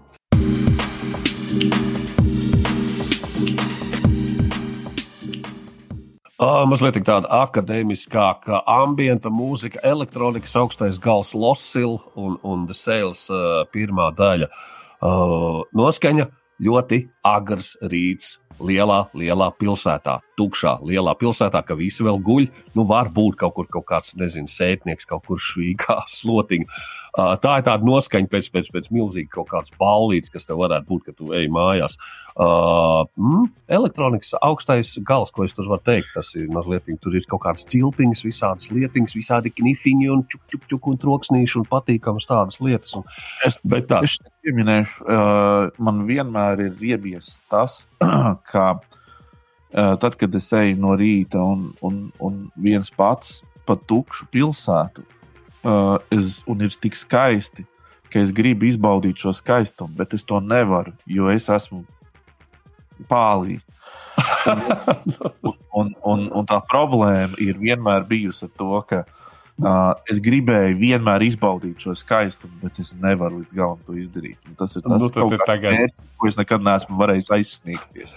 vienkārši piecēlies kādu rītu un izdeja pa kvartāliņu apkārt. Tu drīkst iet laukā atšķirībā no manis. Tā Kā, jā, šo var uzlikt austīgās fonā, pamēģināt.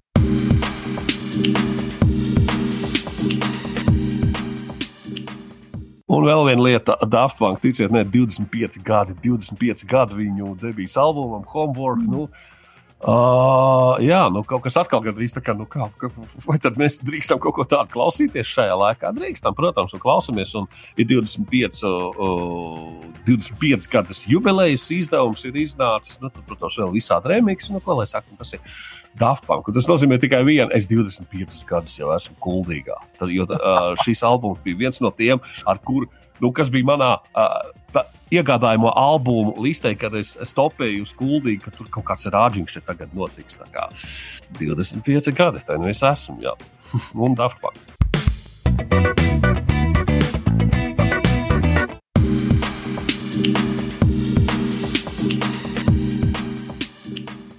Nu, tad, protams, ka par kara tēmām ir arī mana lasāmviela grāmata īstenībā ar nosaukumu Pēc kara. Diezgan tāda rosinoša, pozitīva grāmata izskatās šādi, bet es vairāk pievērstu. Nekad nepirktu tādu dizainu grāmatu, es esmu kretīns. Ja? Es tādam dizainam es eju garām, tas ir sūds. Labi, tu, tu ej varbūt garām. Uh, šeit, šajā te ir lapas, es to pateikšu precīzi. Tā tad uh, 972. Jūs, protams, ka skaidrs, ka šajā šo grāmatu es neesmu izlasījis pat ne vēl pusē. Bet mm. es gribu mazliet par viņu pastāstīt, jo es par Toniju Džādu kā autoru. Uh, es viņu tā kā savā ziņā iepazinu 2000. gadu sākumā, kad viņam bija raksti par uh, uh, par, par 11. septembri. Viņš ļoti labi aprakstīja tur uh, visos tajos Atlantika mantlī un, un Ņujorkeros, un tā viņi tur publicēja. Un, uh, viņi bija ļoti labi raksti par, par to, kā viņš izskaidroja 9-11. Ja? Un, uh, viņš ir pievērsies arī Eiropas vēsturē pēc kara, pēc 45. gada. Un patiesībā šeit, šajā grāmatā, ir ap, aprakstīts bezmaz tas karš, ne pēckara periods, pa dienām, kā bezmaz nu, pa dienām, pa mēnešiem, kā ir attīstījusies uh, uh, vispār Eiropas uh, politika.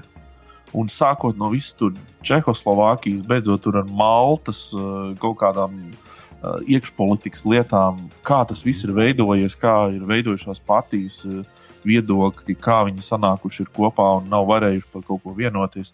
Bet, sakot, tu ej tā tādā lielā, lielā seriālā, nu, uh, kā, cauri visai pēckara vēsturei. Man liekas, ļoti, ļoti interesanti. Tagad tiem, kam gribās aizgājiņā domas, bet tā pašā laikā palikt apmēram pie, tā, pie tās izglītojošās tēmas, pie tā sevis tā kā, bagātināšanas tēmas, tad Tonijs Džats pēc kara. Es nezinu, vai var vēl nopirkt, bet es domāju, ka to noteikti var atrast kaut kādās bibliotekās vai, vai, vai kaut kādos resursos noteikti. Mm -hmm. Nu, kas vēl ko lasīs?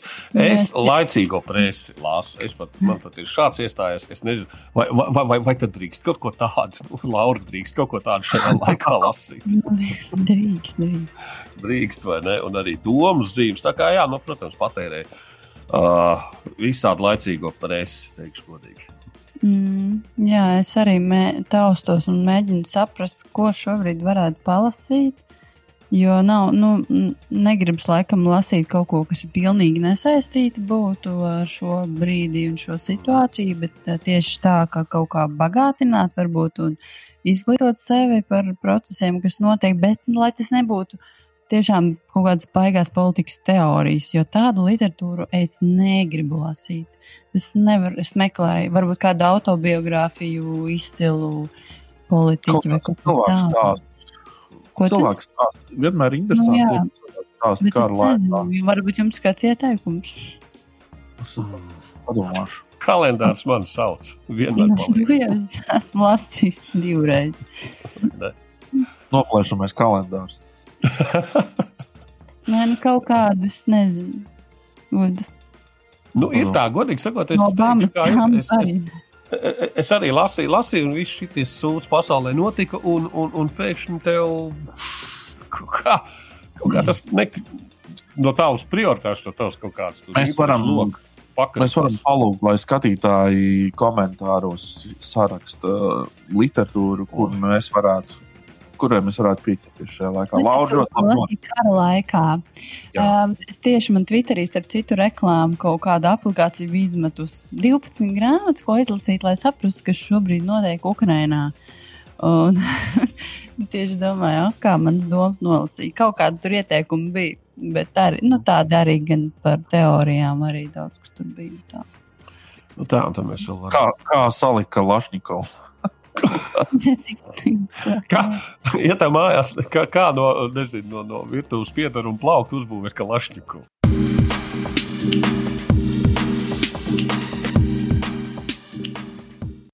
Mm, Es droši vien esmu viens no daudziem tūkstošiem, ja, ja ne vairāk cilvēku, kas ā, šo, šonadēļ noskatījās Winter on Fire, um, kas laikam nu jau arī ir YouTube pieejama. Ir Es- pieejams brīvās, Jā. visādās valodās. Jā, tā Šeit kā. visa pasaule to šobrīd skatās par to, kas notika Ukrainā 2014. gadā. Jā. Jā. Jā. Kā tas sākās? Mm. Jau, godīgi sakot, kā, tā, es, es no savas pieredzes varu pateikt, es ļoti, nu, es tā it kā sekoju līdzi, bet kaut kādā brīdī, nu, es tāds bumbieris politikā un visos tajos ģeopolitiskajos procesos, un, un, un, un nu, šis tā sakārto vēl, nu, kaut kā tev palīdz saprast, kas tas Mhm. bija, jo tajā laikā arī, nu, kaut kā tu tā īsti nesaprati tā, nu, varbūt tā neiedziļinojās ļoti, nu, tā, tā kā. Jā, es, te, es arī atceros, ka ziņās tur bija tie sižeti no tā maidana laukuma un, un kā, bet man tas viss tik ļoti miglātīts. Un, Mm. uh, tomēr tie ir uh, astoņi gadi. Un man tajā laikā bija zīdainis, un tas man bija dzīves galvenais fokus. Man vispār neinteresēja, kas notiek apkārt. Tāpēc tagad ir ļoti interesanti bija paskatīties. Un, oh, es, nezinu, es apraudājos vairākas reizes to filmu skatoties. Īpaši, kur, um, kur ir uh, vārdarbība pret civiliedzīvotājiem. Un tāpat laikā nenormāls prieks un, un tiešām par to tautas spēku. Un, un šī filma tikai pierāda, ka viņi nepadosies nevienos apstākļos. Tas, ja mēs runājam par Winter on Fire, ja nu gadījumā kāds palaid garām. Jā. Es atkal no savas puses noskatīju, noskatoties šo filmu, arī, protams, atcaucu atmiņā mazliet to, to, nu, protams, to no kurienes apmēram visam kājas aug. Un, uh, man vajadzēja kaut kādā brīdī man vajadzēja saprast, kur radās tas, tas narratīvs par to nacismu tajā visā. Jā. Un es kaut kādā ziņā es mēģināju to, to, to, to visu laiku saprast, un tad šī filma faktiski salika visu tā kā pa, pa plauktiņiem. Apmēram tu saprati, kurā, kurā brīdī radās kaut kur apmēram tās domas mm, tam, tam trakajam Putinam par to, ka Ukraiņā apkārt uh, ir, ir, ir visur skraida nacistu un narkomānu un, un tā tālāk. Tā kā, Mm. Un, jā, nu, protams, tas ir tikai viens no tādiem, ko es esmu skatījies šajā nedēļā. Šī filma un ļoti daudz visādas televīzijas kanālus, YouTube un tā tālāk. Visas šīs dokumentālās filmas par, par, par es tūlīt būšu tāds pats speciālists kā Ivars Lipskis visā tehnoloģijā. kā, Jā, jā, jā, jā. Ļoti daudz arī tas, Kristaps, ko, ko, ko, nu, ko tu, uh, mēs apmainamies jā, ar visādām gudro cilvēku intervijām. Un jāsaka, tā, ka daudziem tiem kanāliem es arī pirms visu šī sekoju līdzi, bet varbūt ne tik ļoti. Tā kā, tā kā jā, nu, kaut kā, kaut kā es, Starp citu, jā, ir, es ies- ieteiktu, to droši vien var sameklēt. Ir ļoti daudz, mm, tagad YouTube tieši, kur krievu inteliģents tiek intervēta. Mm. Un, un tie ir aktieri, tie ir rakstnieki, tie ir uh, mūziķi, kultūras darbinieki, kuri. Tā, tās parasti ir tādas garākas intervijas, tādas garākas pasēdēšanas, kur tiek runāts uh, par, par, uh, par, par, uh, par visām šīm tēmām. Un, kas man šķiet interesanti vienā no, no, no, no tādām sarunām, kur jautāja, tika jautāts, kā vispār Krieviju ir iespējams pārvaldīt. Un, uh, un tā atbilde bija tāda, ka ir tikai divi veidi, kā Krievija vispār var pastāvēt. Un uh, viens veids ir šī varas, propagā- uh, varas vertikāla, kāda ir šobrīd. Tātad ir visaugstākais vadītājs, un tad ir vesela hierarhija apakšā, un ir ļoti spēcīga armija, tā kā notiek tagad. Vai otrs civilizētais veids ir principā sadalīt uh, Ameriku līdzīgi, uh, līdzīgi Krieviju sadalīt, kā Amerika ir štatos. Jo pēc būtības ne, tu nevari tik lielu teritoriju pārvaldīt, kur, piemēram, ir Sanktpēterburga pret tur, to otru galu, kur tur vispār Jā, vai cilvēki ne? vēl alās dzīvo. Ja? Tā kā Tas nav, nav iespējams to vienkārši tā kopīgi kā valsti uh, no at, attīstīt. Ja? Tātad tev ir jāsadala viņi tādos nosacītos štatos. Mhm. Un katram ir jābūt savai pārvaldei. Un, un, un ir, protams, viens, kas Maskavā sēž un to visu federāciju tā kā pārvalda. Kā Krievijas feder federācija jau pēc būtības tāda bija domāta, bet viņa neiznāca tāda. Kaut, kā, kaut, kur, kaut kas aizgāja galīgi par to tādu. Man tikai saka, ka viņi ālās tur dzīvo. Es vēl uh, visā šajā es arī ļoti daudz patērēju šādas sarunas, un, nu, kā, kā jau teicu, krievu valoda man nav problēma pilnīgi nekāda. Un, un, un es skatījos, ja nemaldos, ar poļu rakstnieci, kura ir rakstījusi grāmatu par uh, Putina bērnību. To, kāpēc pēkšņi Putins kaut kur pēkšņi brāli atrada? Ja? Nu, kas tas bija? Ja? Nu, kā, nu, pats Putins nonīra pēc kaut kādām, nezinu, ie- iekāp jūrā un izcēla senās amforas ārā. šitā. Tā viņš pēkšņi brāli atrada. Un, un tur to tīri psiholoģiskais portrets, kāpēc viņš ir tāds, kāds viņš ir.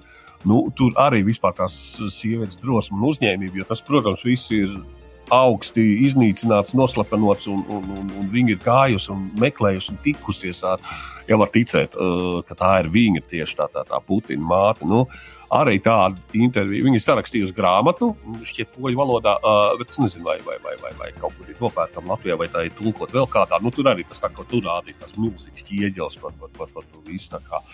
Jā, nu, es patērēju ļoti daudz visādi. Šāda informācija šajā brīdī. Seriāli kaut kā ir ļoti aizgājuši otrā kaut kādā plānā. Nu, tas pat, uh, nu, labi, Dienvidparks, jā. Nu, Starp citu, Dienvidparka uh, tā sērija, ko es pagājušo nedēļu teicu, ka es nebiju noskatījies, Cold War. Viņi kaut ko zina, ko mēs nezinām. Kā tas var būt? Kā var kaut ko paredzēt? Viņi taču neuztaisīja to multeni aizvakar. Nu.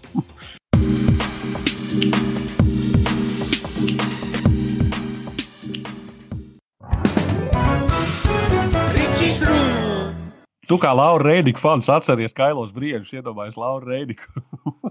Nē, zini, kas ir? Es skatījos, ka pat bērnu izrādēm šobrīd ir uh, noformējumās scenogrāfijā Ukraiņas karogu motīvi un tā tālāk. Laura, tu biji uz Ričiju Rū, vai ne?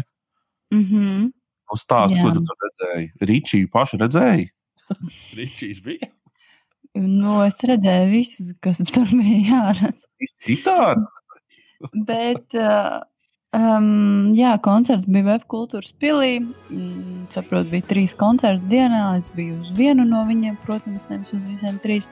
Ar savu piecgadīgo dēlu un, un savas draud, savu draugu un viņas pusotru gadīgo meitu. Vai mazāk pat viņai ir. Jā, bet uh, um, es teiktu, es, es priecājos, ka es, mēs aizgājām uz to koncertu, jo tas arī iedeva to normālības sajūtu un to, ka bērns priecājās. Un, un tas, tas bija ļoti īstenībā sirsnīgs koncerts un vispār visu cieņu. Bērnu auditorijai ļoti piemērots, un uh, man arī vaicāja cilvēki, cik, cik vecs bērns var izturēt. Nu, nav tas koncerts ir uh, aptuveni stundu garš, un arī pat saka, viengadīgs bērns to pilnīgi bez problēmām un ar ieplastām acīm skatījās un, un klausījās. Un pēc tam manam dēlam bija obligāti jāizstāv rinda un jānobildējas ar lāci lielo. Viņš bija ļoti, ļoti priecīgs par to. Man prieks, ka izdevās bērnus iepriecināt. Jā, es arī skatījos video Instagramā, kaut kur, kur bija nopublicēti kaut kādi fragmenti. Kā tie bērni lēkāja līdzi tur un, un, un, un pilnīgi nu, tā atvērušies. Tā kā, tā kā es nezinu, es, uh, kaut kādā, mēs kaut kādā koncertā vai festivālā vai kur tas Lauris ir atradzis savu publiku. Nu, viņu prieks ir neviltots. Un, jā, uh, bet vienīgais smieklīgi, protams, ka visam šitam es saprotu, ka ar koncertu tikai nevar nopelnīt. Un ir jāpārdod visādas lietas, lai būtu peļņa. Un tad tur ir tas lācis uzšūts, tāds maziņš, maz, mazs lācis, kurš maksā Dabūjiem 35 SMS eiro. Nu, jā, un tad, tad, tad kaut kad, tad, kad viņi bija ielikuši, ka lāči ir izpārdoti un jāgaida kavējās piegādes, es domāju, oh, stulbi, nevarēs pārdot koncertos. Jo Lauris, protams, es skatos vēl kārtīgi noreklamēja, ka tur var nopirkt, lai visiem bērniem sagribās. Manai Jā, dēls arī, protams, pajautāja, bet nu, mēs sarunājām, ka mēs tomēr nepirksim to lāci, jo mēs neesam tik lieli fani. mākslinieciski labi. Tas viss bija. Kā, tev, nu, tā, kā tu tā novērtēji? Izpildījums, viss. Jā, jā. Mhm. Bija arī Es klausos. iepīta dziesma, es skrienu. Ok, kāpēc gan ne? Man liekas, sapratu. Un, un Tā es jau Laura paskatos- neskanēja. Tagad es nospēlēšu kaut ko no, savā, no savas, nu, tur, kā saka, iepriekšējiem albumiem. Un saka, skanēt kaut kā divas sirdis. Debes skrāpjas pīts un kas tur vēl. Nu, jā, nē, prieks Lauris ir atradis savu auditoriju. Es atceros vēl pagājušajā bišķīt normālajā dzīvē, pagājušajā vasarā diezgan prominentiem cilvēkiem no Latvijas mūziķiem. Mēs tādā ballītē parunājām un kaut kā tēma panesās. Kas ir Reinika auditorija? Neko ir, nu viss kārtībā. un ļoti labi. Tas ir forši.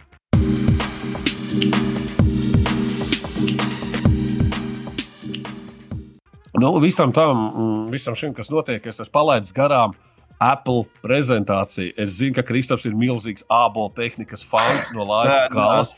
Kristap, tu, tu, kas būs jaunajā iPhone? Kalkulators un lukturītis būs.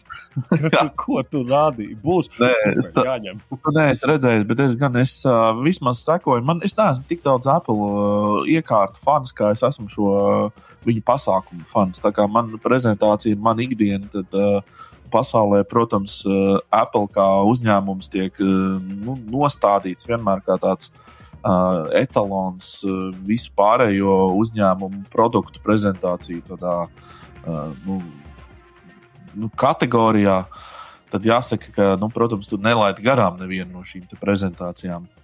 Un jāsaka, ka Apple ir mazliet, mēs esam vīlušies mazliet prezentāciju pasaulē, jo, jo visas šī, šīs Apple prezentācijas sāk ļoti, ļoti vienādas. Viņas ir precīzi, labi uh, uzkonstruēti video, uh, kuros principā vairs nav nekāda uzstāšanās. Uh, Tā live sajūta, tu vienkārši uztaisīsi skaistu video, stundu garu un palaidi kā tādu lielu reklāmu. Un tas ir tas, kas ļoti daudzus ir, nu, kā, ir, ir vīlušies tajā visā. Uh, es nekomentēšu neko par produktiem, man tas īstenībā arī maz interesē. Vienīgais tas, protams, ka Apple ir laidis klājā pilnīgi jaunu, jaunu kategoriju. Uh, Tātad desktop datori, ja mums līdz šim bija Mac mini, tas mazais struntīgs, tev ir. Ja? Jā, tieši tā. Uh, tad, uh, tad, tad tagad ir uh, lielāks Mac studio, kas ir um, lielāks dators uz galda liekamais.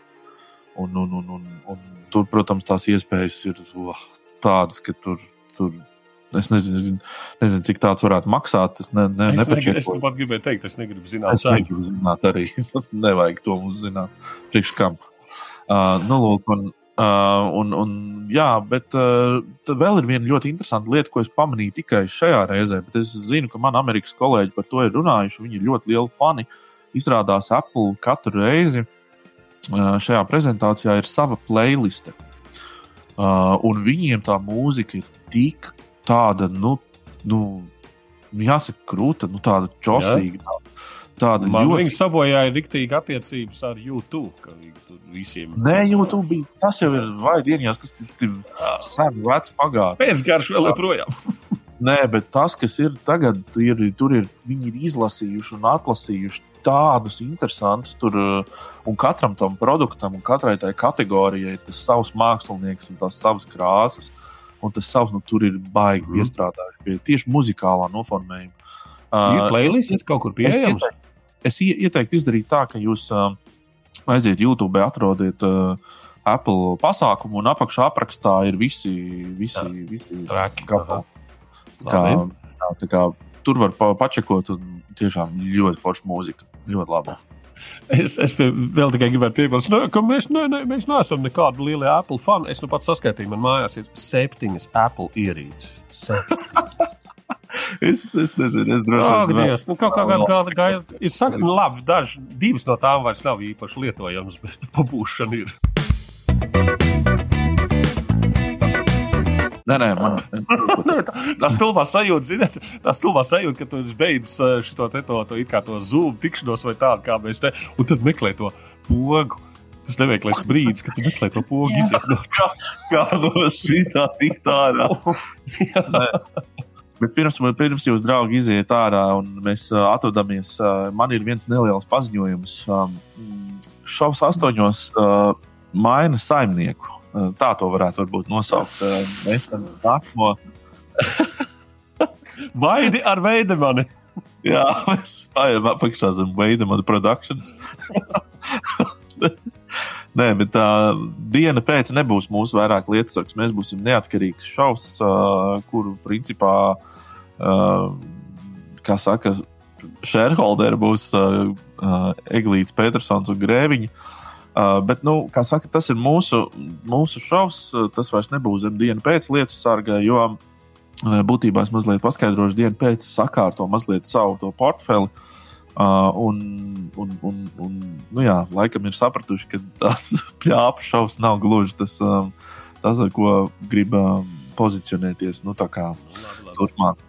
Nu, lūk, tad, tas nozīmē, ko? Tas nozīmē, ka mēs joprojām paliekam TV4 ēterā, mēs joprojām paliekam Spotify, bet mēs nebūsim zem pēc, bet būsim zem atsevišķa, uh, kā saka, to mēs nedēļas laikā nokārtosim, vai ne?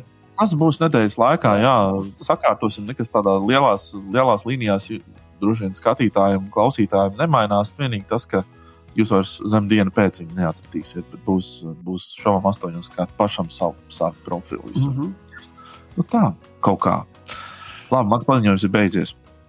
Kas noslēdzot šo visu? Ir kas nu, ko pateikt? Nu, Saudzējam savu mentālo un garīgo veselību. Un ejam staigāt. veselību. ejam staigāt. mm.